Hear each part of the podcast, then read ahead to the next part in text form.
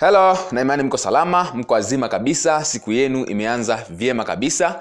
Siku ya leo nataka nishare na wewe siri namba moja ya kuuza bidhaa ambazo brandi zake zinajulikana, bidhaa ambazo wateja wanazijua vizuri na mpaka bei zake zinajulikana, jinsi ya kuuza bidhaa hizi tunasema high ticket sales. Siri namba moja ya kuuza bidhaa ambazo brandi zake zinajulikana uh, siri ya kwanza kabisa inaitwa the price speaks for the brand. Yaani bei ya bidhaa ama huduma hiyo huwa tayari imeshaongea na tayari wateja wanaijua bei ya bidhaa hata kabla bado hujamtaja, kwa sababu brand zake zinajulikana. Kwa sababu kwa mfano mtu anayeuza iphone tayari iphone zinajulikana bei zake moja kwa moja. Mtu anayeuza labda beg za guchi tayari bei zake zinajulikana. Sasa jinsi ya kuuza bidhaa ambazo tayari wa, watu au wateja wanazijua bei zake. Tunasema price speaks for the brand. Ambazo bei tayari brand yake imeshaongea kuhusu bei ya bidhaa ama huduma kwa sababu brand ni kubwa. Sasa hizi tunaita high ticket sales jinsi ya kuuza bidhaa ambazo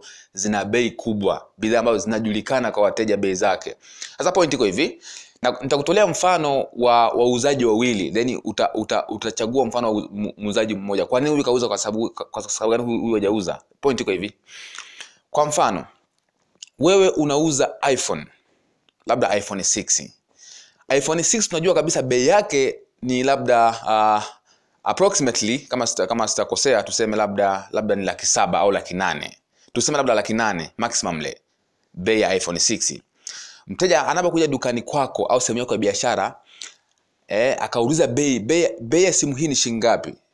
Kumbuka tayari brand ya bidhaa inajulikana ni iphone 6 na tayari mteja anajua kabisa bei za, za, za iphone 6 ni shilingi ngapi akafika katika katika duka lako akauliza labda uh, uh, uh, samahani hii uh, hii simu bei yake ni shilingi ngapi? Wewe muuzaji ukasema simu hii inauzwa shilingi laki tano.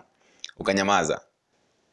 Wakati mteja anajua kabisa kama bidhaa hii bei yake ni shilingi laki nane. Lakini iliyofika sehemu ya biashara ukamwambia inauzwa shilingi laki tano. Tayari kuna kitu kinagonga kwenye akili ya mteja doubt inaingia. Labda cha kwanza bidhaa hii ni fake. Cha kwanza. Cha pili bidhaa hii labda imeibwa ime, ime sehemu na kuja kuuziwa kitu cha, cha, cha, cha uwizi kwa sababu gani? Kwa sababu tunasema price speaks for the brand. Yani tayari uh, bei ilishaongea ilishaisemea brandi yani tayari bei ya bidhaa inajulikana kwa kila mtu. Kwa hiyo unavyomtaja mtaja bei ndogo na ile ambayo alitegemea anajua kabisa hiki lazima kina tatizo tayari ina, mteja anaingia doubt anaingia wasiwasi. Na utashangaa hata ununua lakini anaenda kununua sehemu nyingine kwa bei ya shilingi laki nane. You see? Point yangu nini hapa?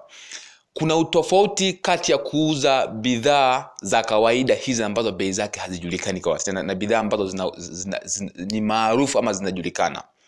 Kuuza uh, bidhaa zenye bei kubwa ni tofauti na kuuza bidhaa zenye bei ndogo. Kwa hiyo leo nataka nikupe siri ya kuuza bidhaa zenye bei kubwa ambazo brandi zake ni kubwa zinajulikana. Kwa hiyo siri, ya, siri yake inaitwa price speaks for the brand. Na nitakwambia kwa- unatakiwa uuze vipi bidhaa hizi kwa wateja wako. Kwa sababu kuna baadhi wauzaji wa wanauza kitu the same. Ndio maana kuna watu wanaitwa the king of high ticket closing sales. Yaani watu wana, wa, wa, wenye mbinu za kuuza bidhaa zenye bei kubwa. Kwa mfano Mr. Dunlock kama mna wengi wenu mnamfahamu huyu ni maarufu kwa ajili ya kuuza bidhaa zenye bei kubwa sio bidhaa zenye bei ndogo. Kwa sababu kuna tofauti kati ya kuuza bidhaa za bei ndogo na bidhaa za bei kubwa na kuna fomula zake. Sasa leo nakupa siri namba moja ya kuuza bidhaa za bei kubwa. Hii ni secret number one. Ziko, ziko siri tano lakini leo nitakupa siri moja kwanza ya kuuza bidhaa zenye bei kubwa. Okay? Hasa nito- ni- ni- nitolea mfano wa wa muuzaji wa kwanza. Anauza iphone, iphone, iphone 6 na tayari tunajua iphone 6 bei yake ni shilingi laki nane. Approximately mteja amekuja akauliza bei ukamwambia shilingi laki tano. Na wakati mteja anajua kabisa bei ya bidhaa hii ni kubwa na bei ya bidhaa hii ni shilingi laki nane. Utashangaa mteja huyo hatonunua hiyo bidhaa japokuwa umemtajia bei ndogo. Na utashangaa kwa nini napunguza na- na- bei lakini bidhaa haiuziki? Ndio maana unashangaa mtu anapunguza bei lakini bidhaa haziuziki kwa sababu anasahau kama anauza bidhaa ambazo brand zake zinajulikana. Na ana, ana, ana violate principle inayoitwa price speaks for the brand. Yani siri ya kwanza inayoitwa price speaks for the brand. Tayari ameshaivunja kwa kutaja bei bei moja kwa moja ambayo hatakiwi kufanya hivyo kwanza kabla hajakisema kitu fulani ndipo hataje bei hiyo. Ili kuondoa doubt kwa mteja. Okay? Kwa hiyo point iko hivi unapotaja shilingi laki tano mtani mteja wako anajua bei tayari unamjengea wasiwasi wa kununua hiyo bidhaa. Kwa hiyo anasema hii bidhaa labda imeibwa ama ni fake. Kwa hiyo anaondoka lakini anaenda kununua sehemu bidhaa labda kwa laki saba au kwa laki sita. Kwa sababu gani? Kwa sababu mteja muuzaji wa bidhaa b huenda ikawa anaijua siri hii. Sasa iko hivi tuende mfano wa pili sasa. Mfano wa kwanza muuzaji ametaja bei ya chini moja kwa moja ingali mteja anajua bei ya bidhaa hiyo ni gari hiyo muuzaji b. Muuzaji muuzaji a. Muuzaji b anapofika mteja anapouliza bei ya iphone 6 muuzaji b anasema kwamba bei halisi ya bidhaa hii tunajua wote kwamba ni shilingi laki nane lakini nitakufanyia kwa ofa ya shilingi laki tano. It's only for today ni leo tu. Hata kama ulikuwa huna pesa wakati huo nakwambia utakopa why? Kwa sababu tayari ameshakwambia bei halisi ya bidhaa hiyo. Na akakwambia leo atakufanyia kwa bei fulani tu. Tayari ameshatoa doubt kwako kwamba mimi na wewe tunajua kwamba bei ya bidhaa hii ni shilingi fulani lakini kwa leo atakufanyia kiasi fulani kwa hiyo tayari ameshatoa wasiwasi kwamba kumbe tayari bidhaa hii inajulikana na kila mtu anajua kwamba bei hii ni kitu fulani lakini leo ananifanyia kwa which means anajua leo kuna maybe kuna special offer kwa ajili ya bidhaa hii. Kwa hiyo atatafuta hela popote pale ilipo kwa sababu tayari umeshataja bei ya kwanza kwanza. Sio kama mnanipata hapa. The point utofauti ni kwamba kabla ya kuuza bidhaa yenye brandi kubwa au inayojulikana na bei zinajulikana taja bei halisi kwanza ambao kila mtu anaijua ya bidhaa hiyo.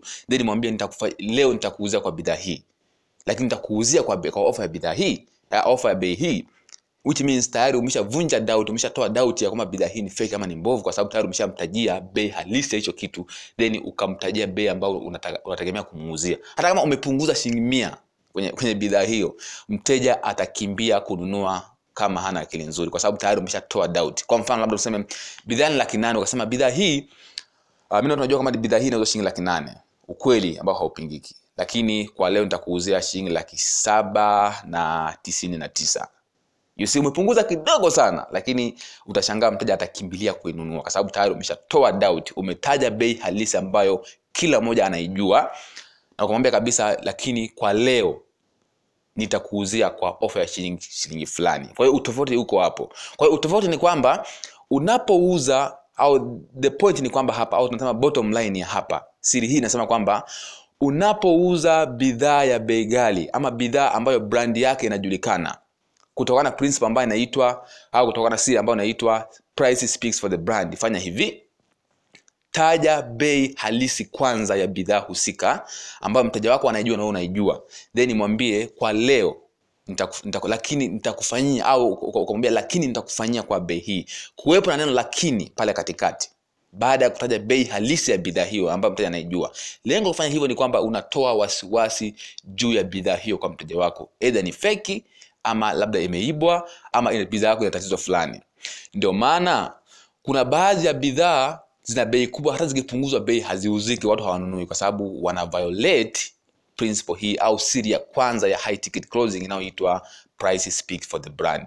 Nimekupa siri hii this is very sensitive okay uh, uzuri ni kwamba kuna kozi inakuja baadaye sana baadaye ambayo ina, inazungumzia kwa undani zaidi jinsi ya kuuza uh, bidhaa zenye bei kubwa. Lakini kwa nyie mlivyo kwenye grupu hili siri hii nitashare na nyinyi. Uh, nitakuwa na share kadri siku zinavyozidi kwenda. Kwa hiyo nitakuwa na share siku hadi siku. Sio kila siku no ila nitakuwa na share siku hadi siku siri za kuuza bidhaa za bei kubwa na, na utofauti uliopo kati ya kuuza bei ndogo na bei kubwa. Kwa hiyo ngoja nikazie mwishoni uh, kitu cha kuondoka nacho hapa. Ni kwamba kama unauza bidhaa ambazo ni, zina brandi kubwa bidhaa zinazojulikana bidhaa zenye bei kubwa tunasema high ticket sales hakikisha unataja bei mbili.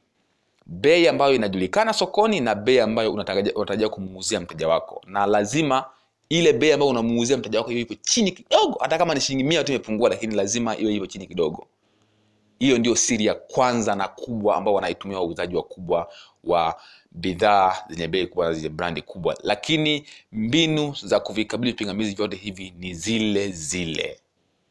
Okay? Kwa hiyo i hope it is clear na kama kuna swali basi usisite kuuliza kwa sababu this is very very very sensitive. Hii ni muhimu sana sana kwa sababu watu wengi wanachanganya kuuza bidhaa za bei kubwa zenye brandi kubwa na bidhaa ambazo hazijulikani. Kwa hiyo kuna tofauti kidogo kwenye uuzaji wa bidhaa hizi. Kwa hiyo nita- nita- nitaendelea kushia na wewe siri moja hadi nyingine. Kwa hiyo leo na i hope kila mmoja ameelewa siri hii na kama kuna swali basi utauliza. Asanteni sana